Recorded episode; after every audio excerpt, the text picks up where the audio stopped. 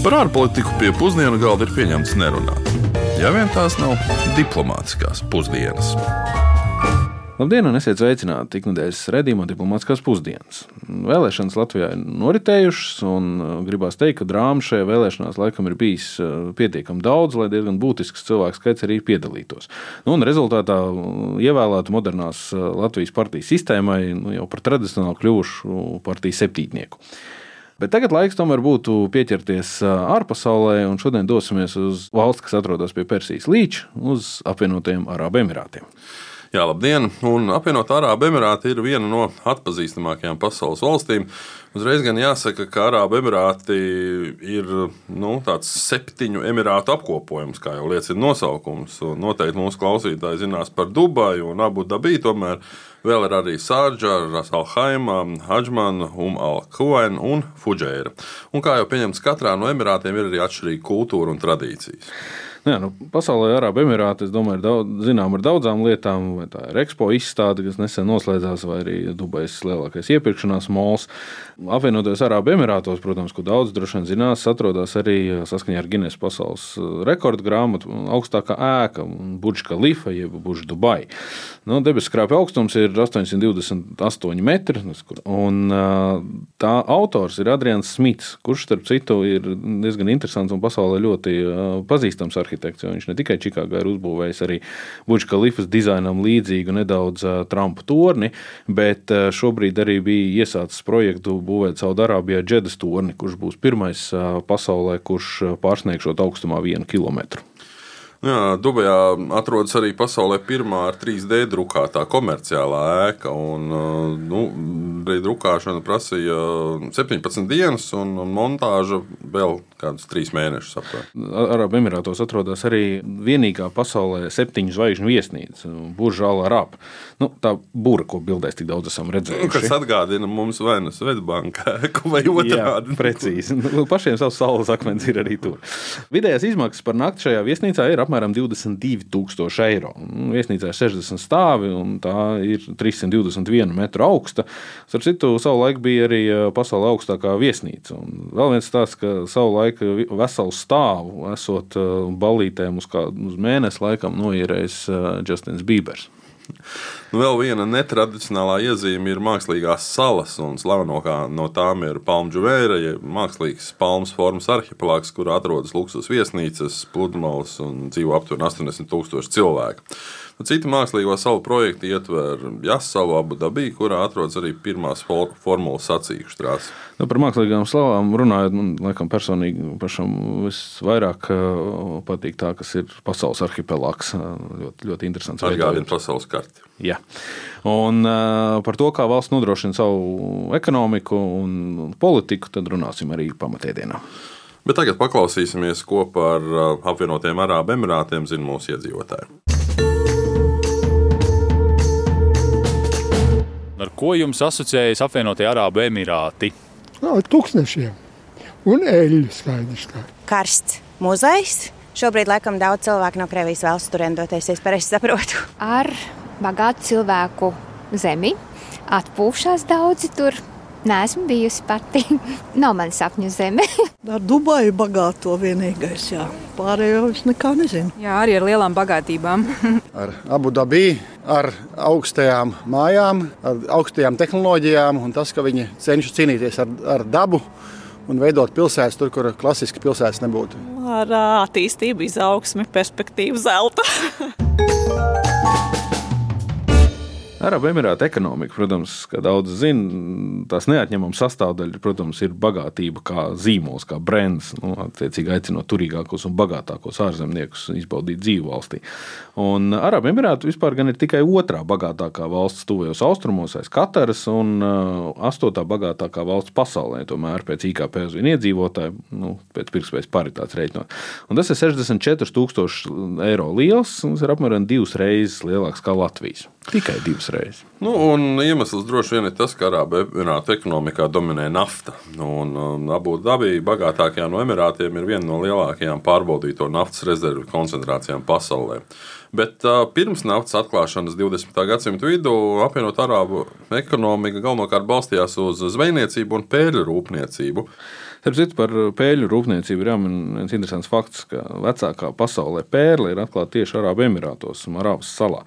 Pērle tiek datēta apmēram 8000 gadus veca, un cilvēki to izmantoja, protams, rotāšanai. Eksperti domā, ka pērles savulaik tika tirgots arī ar seno Mesopotāmiju, lai iegūtu pretī keramiku un citas preces. Kopumā apvienoto Arābu Emirātiem ir atvērta ekonomika ar augstiem ienākumiem vienu iedzīvotāju un ievērojumu gada tirzniecības pārpalikumu. Jāsaka, ka emigranti veido aptuveni 85% no 5,3 mm, miljoniem valsts darba spēka. Veiksmīga ekonomikas diversifikācijas centieni ir samazinājuši naftas un gāzes nozares īpatsvaru iekšzemes koproduktā līdz aptuveni tikai trešdaļai. Jā, tomēr kopējā apvienotā Arābu Emirāta atkarība no naftas ir nozīmīgs ilgtermiņa izaicinājums un vienlaicīgi, nu, ar ko viņi arī acīm redzot cīnās ir viņi radījuši vienu no diversificētākajām ekonomikām Persijas līča eh, valstu, valstu starpā. Un zemās naftas cenas mudinājušas eh, mūsdienās Arābu Emirātu samazināt izdevumus, tos, par, tos dažādās sociālajās programmās. Taču nu, vienlaicīgi ir jāpaturprātā, ka no, šis aktīvu uzkrājums valsts investīciju fondos, lai saktu budžeta deficītus, ir absolūti pietiekams. Nu, viena no augošākajām ekonomikas nozarēm um, apvienotajos Arābu Emirātos, protams, ir turisms. Uh, Dubajai ir piektais populārākais turisma galamērķis pasaulē.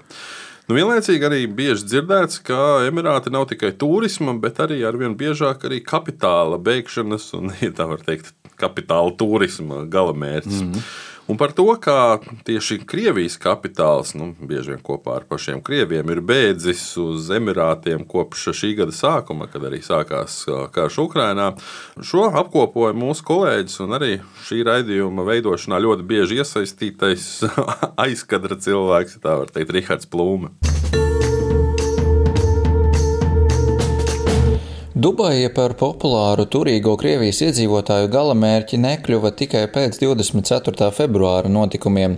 Tā jau ilgstoši bijusi populārs brīvdienu galamērķis Krieviem, vēl 2019. gadā piesaistot vairāk nekā 700 tūkstošu krievu turistu. Un tiek lēsts, ka Emirātos vēl pirms Krievijas atkārtotā iebrukuma Ukrainā dzīvoja vismaz 40 tūkstoši Krievijas pilsoņu. Pēc 24. februāra Krievu skaits apvienotajos Arābu Emirātos strauji pieauga. Avio biļešu cenas no Maskavas uz Dubaju vienā virzienā pieauga pat 30 reizes.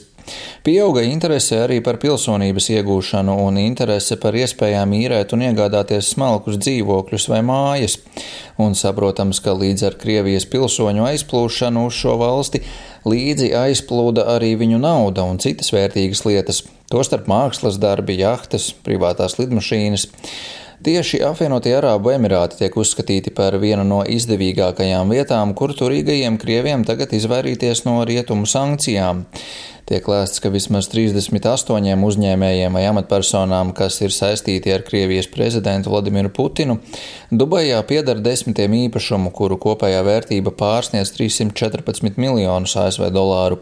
Un vairākām no šīm personām ir piemērotas ASV vai Eiropas Savienības sankcijas. Pētījumi arī norāda, ka, lai izvairītos no starptautiskām sankcijām, milzīgas naudas summas no Krievijas tiek pārskaitītas uz Emirātiem, izmantojot īpašumus, uzņēmumus un kriptovalūtas. Uz Emirātiem tiek pārcelti uzņēmumi, un daudzi piesakās zelta vīzu programmai, kas paredz piešķirt ilgtermiņa uzturēšanās atļauju, ja vietējā kompānijā vai investīciju fondos tiek ieguldīti daži simti tūkstoši eiro. Nelikumīgi iegūto Krievijas labumu plūsma faktiski ir plūdusi cauri Dubajai jau kopš 90. gadu beigām, un arī tagad finanšu uzraugiem šī karstā zeme ir grūti sasniedzama. Transparency International, piemēram, norāda, ka apvienoto Arābu Emirātu varas iestādes faktiski neievāc informāciju, un korupcijas izmeklētājiem galvenokārt nācies paļauties uz nopludinātiem dokumentiem, lai noskaidrotu, kam un kas šajā valstī vispār pieder. Saprotams, ka Rietumvalstīm nepatīk, ka šī valsts kļūst par patvērumu Krievu oligārhu naudai. Emirātu amatpersonas tikmēr gan norāda, ka tās nevēlas mest vienā katlā visus uz viņu valstī aizbraukušos Krievus, jo daudzi vienkārši bēgot no kara, nevis lai izvairītos no sankcijām. Arī tagad pēc Krievijā izsludinātās mobilizācijas avio biļešu cenas no 351 dolāra ceļā no Maskavas uz Dubaju pieauga līdz pat 5000 dolāru. Tagad novērojams, ka uz Dubaju dodas ne tikai īpaši turīgie Krievi. Daudzi, kas bēg no mobilizācijas, uzturas arī draugu un ģimenes locekļu mājās. Nav gan skaidrs, ko šie cilvēki plāno iesākt brīdī, kad beigsies viņu turistu vīzes. Bet tagad laikam ir jāparunā arī par uh, apvienoto Arābu Emirātu politiku un iekšpolitiku. Un tā ir tik ļoti no Latvijas atšķirīga, ka būtu grēks neizmantot iespēju ielūkoties arī dziļāk. Kā minējām iepriekš, Emirāti ir vēlēta monarhija, kas izveidota no septiņiem emirātiem. Nu, katru no šiem emirātiem pārvalda emīrs un kopā emīri veido federālo augstāko padomu. Federālās augstākās padomas locekļi no savas vidus ievēl prezidentu un viceprezidentu. Nu, gan praksē abu dabi emīrs pilda prezidenta pienākumus, savukārt Dubais valdnieks ir viceprezidents un arī premjerministrs. Tomēr vairāk gribētos parunāt tieši par interesantu nu, pilsoņu un nepilsoņu sadalījumu. Un, um, Emirāti jau daudzus gadus ir uzņēmuši ārvalstu pilsoņus no jebkuras pasaules malas. Un bieži vien arī teica, ka tā ir tāda pret dažādām etniskajām kultūrām ļoti labvēlīga valsts, un faktiski nav nekādas diskriminācijas. Un, tas ir laikam tāpēc, ka 80% no valsts iedzīvotājiem ir ārvalstu pilsoņi. Nu jā, nu, no desmit miljonu iedzīvotāju lielās valsts šīs četras piekdaļas ir imigranti un izcelsme vairāk nekā 200 valsts. Nu, Indija, Pakistāna, Bangladeša un Filipīnas ir visplašāk pārstāvētās. Pašu Arābu Emirātu pilsoņu īpatsvars ir tikai 11%. Tik mazs skaits ir skaidrojams ar lielajiem plusiem, ko sniedz pilsonība un to, cik grūti to patiesībā ir iegūt. Jā, Arābu Emirātu pilsonības sniedz vairākas ļoti ienesīgas priekšrocības. Nu, papildus pasē, kas ir viena no spēcīgākajām mobilitātes jomā pasaulē, pašreizēji Arābu Emirātu pilsoņi gūs labumu no nulles nodokļa no personīgiem un uzņēmumu ienākumiem. Subsidētu degvielu un pasaules līmeņa izglītību, veselības aprūpi, nekustamā īpašumu, dažādas atbalsta pasākumus, arī mm, vēlamās likmes pensiju, citos pensiju pabalstus no 49 gadu vecuma jau. Un tāpat papildu 14,000 eiro lielu grantu, piemēram, kāzu rīkošanai, un arī daudz citas priekšrocības. Nu, kopumā, lai gan arī citu valstu pilsoņi, protams, eh, kas uzturās Arābu Emirātos, protams, bauda šīs te, nu, dzīvošanas eh, priekšrocības, nu, augstāku dzīves kvalitāti, drošu un stabilu vidi, arī relatīvi neliels nodokļus. Līdz šim pilsonība ar tajā iekļautajiem plusiem daudz pauģu garumā tiem nebija pieejama. Nu, šī savu veidu apartīda sistēma, ja tā drīkst izteikties, acīm redzot, ir daudz dziļāk iesakņota. Nesen gan šis sāka mainīties, un Arābu Emirāti paziņoja par plašām izmaiņām pilsonības un imigrācijas sistēmā. Un ar šiem jauniem noteikumiem saskaņā talantīgi ārzemnieki dažādās jomās var kļūt par valsts pilsoņiem. Nu, Pašreizējā situācija pilsonības kandidāti ir jāizvirza federālajām struktūrām, katrai emirātā un jāapstiprina valdnieku un kroņprinču tiesām, izpildvadomiem un ministru kabinetam. Nu, daudz uzskatu, ka, šai, ka nu, šis process turpmākajos gados visticamāk kļūs arī, arī vienkāršāks. Nu, tomēr atbilstības kritērija nākotnē visticamāk arī mainīsies. Viena lieta šobrīd ir skaidra. Pirmo reizi tās vēsturē durvis uz apvienotu Arābu Emirātiem ir atvērts jauniem pilsoņiem, un tas ir nozīmīgs notikums valsts imigrantiem. Noslēdzot, laikam jāmin, ka kopš naftas atklāšanas 20. gadsimta 60. gados, nu, respektīvi apmēram pirms 60 gadiem, Emirāti ir piedzīvojuši pamatīgu transformāciju no nabadzīgas tūkstneša firsistes, zvejnieku ciematiem uz modernu valsti ar augstu dzīves līmeni. Un valsts brīvā tirzniecības zonas, kas piedāvā simtprocentīgi ārvalstu īpašumu tiesības un nulles nodokļus, palīdz, protams, piesaistīt arī ārvalstu investors. Nu, tā poetiski izsakoties, laikam gribētu teikt, ka naftas nauda tiek investēta, lai tūkstnes pārbūvētu uzreiz par tādu kā futuristisku dzīvesvietu. Es gan vēl gribētu arī piebilst tādu lietu, ko dzirdēju kādā komentārā, ka tie, kas daudz uzskata šo par sapņu zemi, var arī diezgan pamatīgi ja tā var teikt, aplausties. Jo pat ja tev ir ģeniāla ideja, tā var nestrādāt Arābu Emirātos. Vai arī tas, kas strādā Arābu Emirātos, ka tas var arī nestrādāt nekur citur pasaulē. Nu, tā kā ar to ir jārēķinās. Lai cik būtu paēdis, vienmēr ir vieta arī desertam. Šodien desertā runāsim par ko ļoti daudziem cilvēkiem intriģējošu, patīkamu, aizraujošu, kārdinošu, par saldumu nemāku teikt, par mašīnām. Daudziem ir zināms, ka Arābu Emirāti ir slaveni ar savām ne tikai modernajām, bet arī dažādu nu, luksusa zīmola policijas automašīnām, piemēram. Jā, nu mēs bieži dzirdam, nu, vai varam pat redzēt Dubajas vai citu emirātu teritorijā, braucot policijas transporta līdzekļus, nu, kas ir tādiem zīmoliem kā Bugatti, Ferrari, Bentley, Lamborghini, Camaro, Mercedes un, protams, daudz citu. Tomēr Arābu Emirātu ietvaros mašīnas nozīmīgums netiek mērīts tikai pēc tās markas, bet gan pēc mašīnas numurzīmes, nu, numura. No tā, piemēram, turīgāko iedzīvotāju vidū ir parādījusies jauna tendence tērēt miljoniem dirhamu par automašīnu numurzīmēm. Un šīs numurzīmes ir kļuvušas par jaunāko miljonāru pieprasīto priekšmetu nu, kā viņu neatņemams luksus automašīnu accessors. Nu jā, īpatnība ir tajā, ka nosolītā summa bieži vien daudzas reizes pārsniedz pašas automašīnas cenu, neskatoties to, ka tās pat ir luksus mašīnas.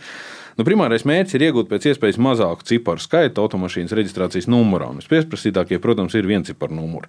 Nākamie, attiecīgi, ir divu ciparu skaitļi no 10 līdz 99. Nu, tāpat tās ir ļoti pieprasīti arī atkārtotie, kā 11, 22, 33.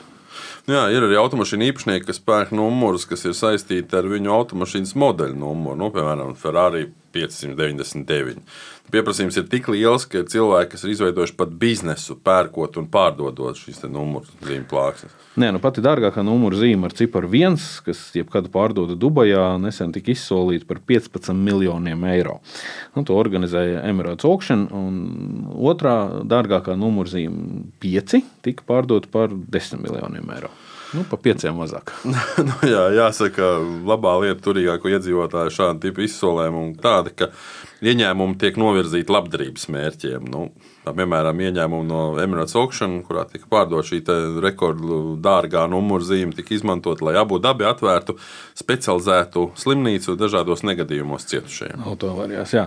Bet uh, par šo laikam ir pienācis arī noslēgt mūsu uh, raidījumu. Nākošajā nedēļā jau dosimies uz Maurīciju.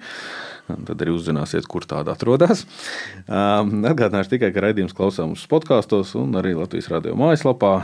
Raidījumu veidoja Kārls Bukovskis no Latvijas ārpolitikas institūta un Uģis Līpies no Latvijas radio. Un palīdzēja mums veidot arī Aleksandra Palko no ārpolitikas institūta, kā arī Ulris Česbers un Rihards Plūma no Latvijas radio.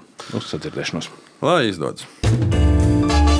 Diplomātiskās pusdienas katru otrdienu pusdienos Latvijas Radio 1.